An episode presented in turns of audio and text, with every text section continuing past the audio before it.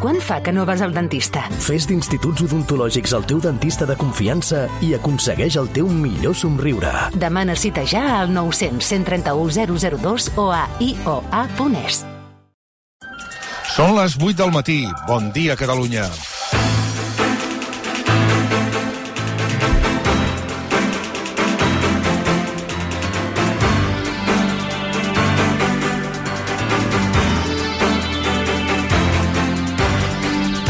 De debò que volia parlar de les reivindicacions de la pagesia en aquest davantal o de les darreres estracanades d'Isabel Díaz Ayuso o José María Aznar o del debat a Galícia aquesta nit passada on, és clar, Catalunya ha tornat a ser centre de les castanyes del PP contra tots els altres, o fins i tot parlant aquest davantal de la cançó Zorra i del debat que ja es genera perquè ja sabem que de tot n'hem de fer un gran debat.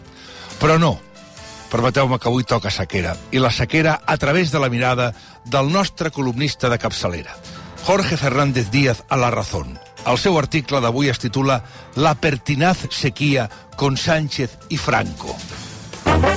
Llegeixo un extracto. La pertinaz sequía, que además de en algunas otras zonas de España está afectando de manera especial a Cataluña, da pie para aplicar una vez más el conocido aforismo de que no hay mal que por bien no venga. La teología concluye ante la evidencia de la presencia del mal y el dolor en el mundo que Dios, en sus inescrutables designios de providencia, pudo impedir su existencia, pero eligió permitirlo, y eso sí, para sacar de ese mal un bien mayor. El pueblo no ha necesitado tener un particular conocimiento teológico para, sin embargo, captar esa realidad operante en el mundo desde siempre. Segueix eh, Fernández Díaz. L'actual pertinaz sequía que Sánchez atribuía al cambio climático era un calificativo que se hizo famoso durante el franquismo, especialmente por la gran sequía del 46 que se superpuso a la gran hambruna tras la guerra civil, acompañado del aislamiento internacional y el bloqueo comercial. No consta, sin embargo, en el exhaustivo listado de sequías padecidas a lo largo de la historia que nada atribuyera la responsabilidad de las mismas al cambio climático. Lo que sí hicieron los gobernantes fue aplicar medidas para paliar el daño de esos fenómenos naturales repetidos en el tiempo. Franco se aplicó en construir una auténtica red de pantanos para embalsar agua, agua y con ella producir electricidad para la industria, evitando que, como sucede ahora, solo el 40% del volumen se aprovecha, echando el resto al mar.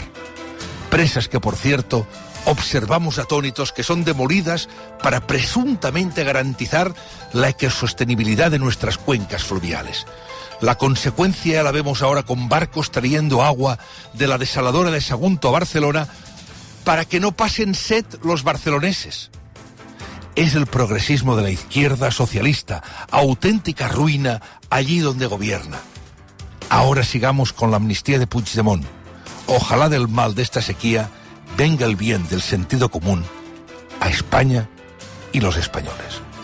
És a dir, és a dir, segons aquest article, la sequera és un càstig diví a Pedro Sánchez i als independentistes, però no hay mal que por bien no venga. Havia un moment perquè he fet entrar l'orquestra aquí, fer un moment, no? Un, dos, tres, cinc...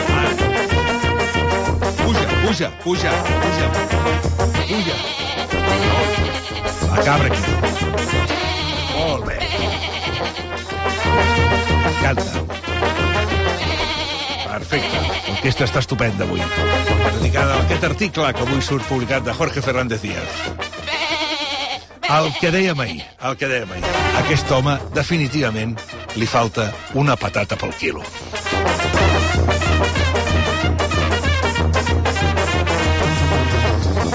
Les 8 i 4 minuts. Benvinguts al món.